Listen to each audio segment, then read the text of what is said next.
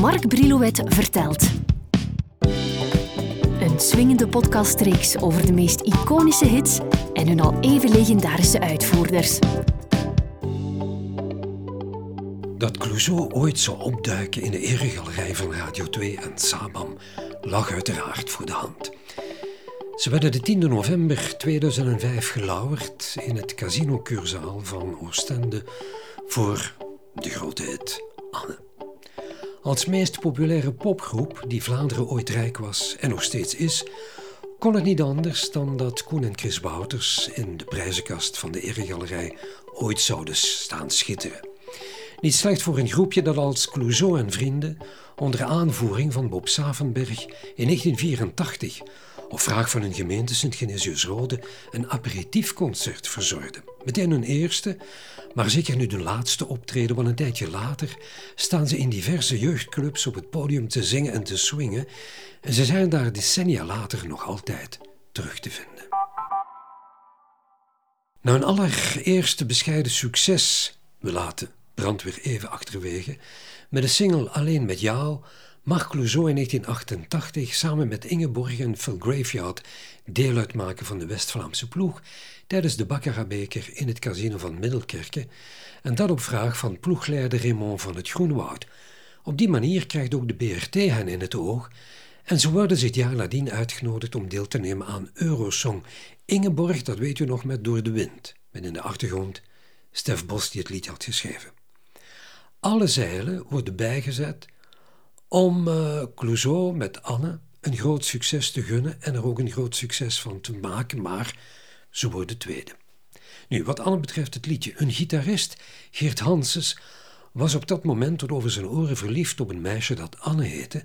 Speciaal voor haar had hij dat liedje geschreven. En Koen en Chris, die weten daar nog zowat alles over. Onze gitarist, Geert Hanses, die had een liefje, die heette Anne werkelijk waar. We hebben, ze, we hebben ze ooit eens gezien. Het, viel, het, het, jaar na Anne viel het duizendmaal voor dat er mensen in het publiek riepen ik ben Anne, toen we Anne inzetten. Maar op een gegeven moment stond er iemand die dat ook riep en we dachten, ja, dat is de zoveelste, maar dat was ze echt.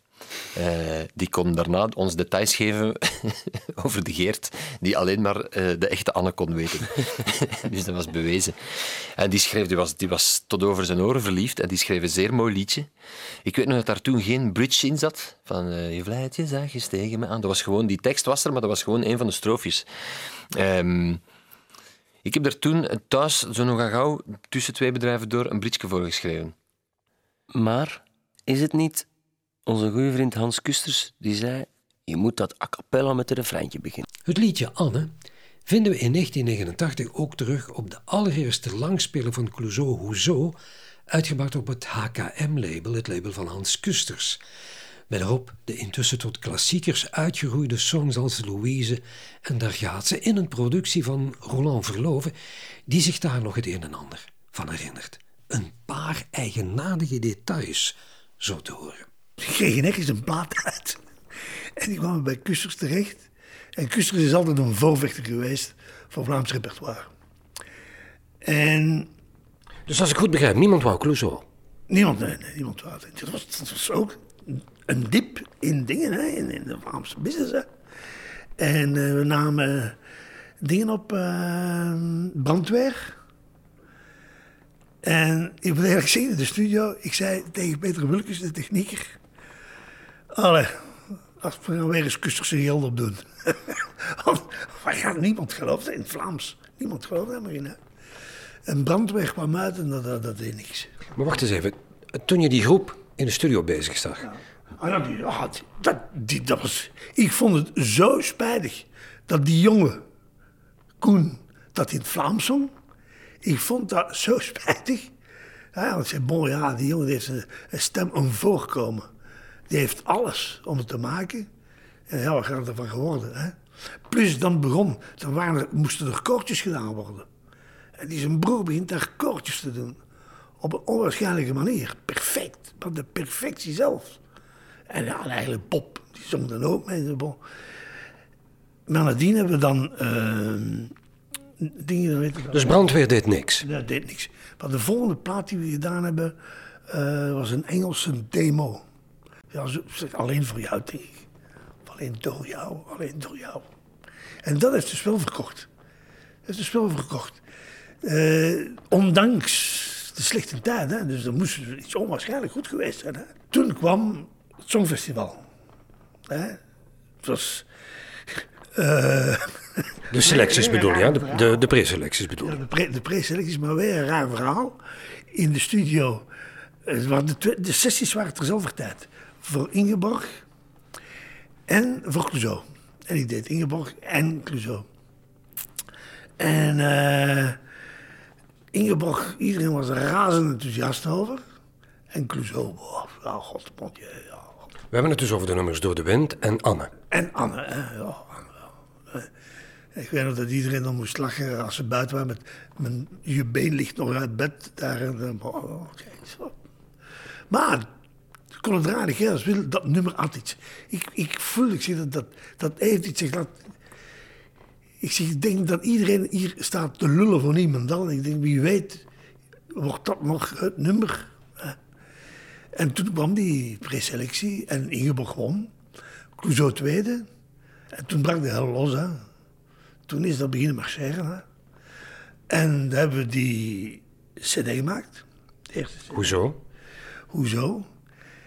En het laatste nummer dat nog moest ingezongen worden, dat was eh Daar gaat ze. En dat was een zondagmorgen, zon- zaterdag of een zondagmorgen. En om twee uur in de studio, de studio was geboekt voor een publiciteit. Ik herinner me zelfs nog de, ik heb een slecht geheugen, maar ik weet nog de, welk, hoe, hoe het, merk van eh, die publiciteit. Noem eens. Was, Nee, nee, dat gaat u niet doen. Dat, is, dat is eh, geheiminformatie. Maar eh, en, we zaten daar, ja, is ongeduldig, ja. Bon. Wanneer gaan ze komen? Ze moeten zo vlug mogelijk hier zijn. Want ja, bon, om twee uur begint die sessie met die gasten. En, bon, en Koen komt binnen, te laat. Zeg, oh, kom, ben je te laat? Zegt, maar ben je zeker van ons? Zegt, zo ziek. En hij komt bijna meer praten. Dat was hees. Ik zeg, bon, niks aan te doen, hè. Ik zeg, we nog door, hè. We moeten erop, hè. Ah, oké. Die. Hans Kusters. Hans Kusters wel een toffe tip, maar eh, het is wel beetje precies, hè. Die datum is die datum. En eh, af is af en niet af is niet af. En er is dan een gezag en een miserie en een ambras. en. Ik zeg, nu moet het af. En die Koen begint te zingen en die heeft een stem, zou ik zeggen, God had die stem speciaal gemaakt voor dat liedje. En die zong dat en dat was, er ging, vloog een engel door die studio. Dat was ongelooflijk, dat stond erop op twee, drie takes. Stond dat erop. En wat hadden gedaan op tijd.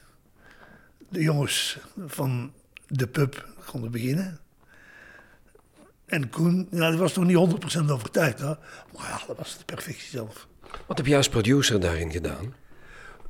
De, de, het arrangement samengesteld. En eh, ja, de, de, de, de bas, de dingen, de, de, zou ik zeggen, de, dan de baspartij. Af, afgestemd hoe zou moest, moeten zijn. Eh, de gitaarsolo, dat samen met Jenne dan eh, opgenomen. En dat zou dan nog kunnen beter zijn. En dat veranderen en zo. Hoe zou ik zeggen dan ook? Moeder Overs te spelen. Om die, die gasten bijeen te houden. Ja, want dat zijn allemaal jonge gasten. Hè? Dus de ene zegt dan een keer wordt te veel. Of de ander zegt dan een keer wordt te weinig. Bekijken ze elkaar niet meer. om, om, om zedemeester te spelen en dan bijeen te houden. Ja, dat is... Verschok je nadien van de verkoopcijfers? Want dat heeft tonnen verkocht, hè? Ja, ja, ja. Iedereen is ervan verschoten. Hè. Iedereen, hè. Ja, dat is niet normaal, hè.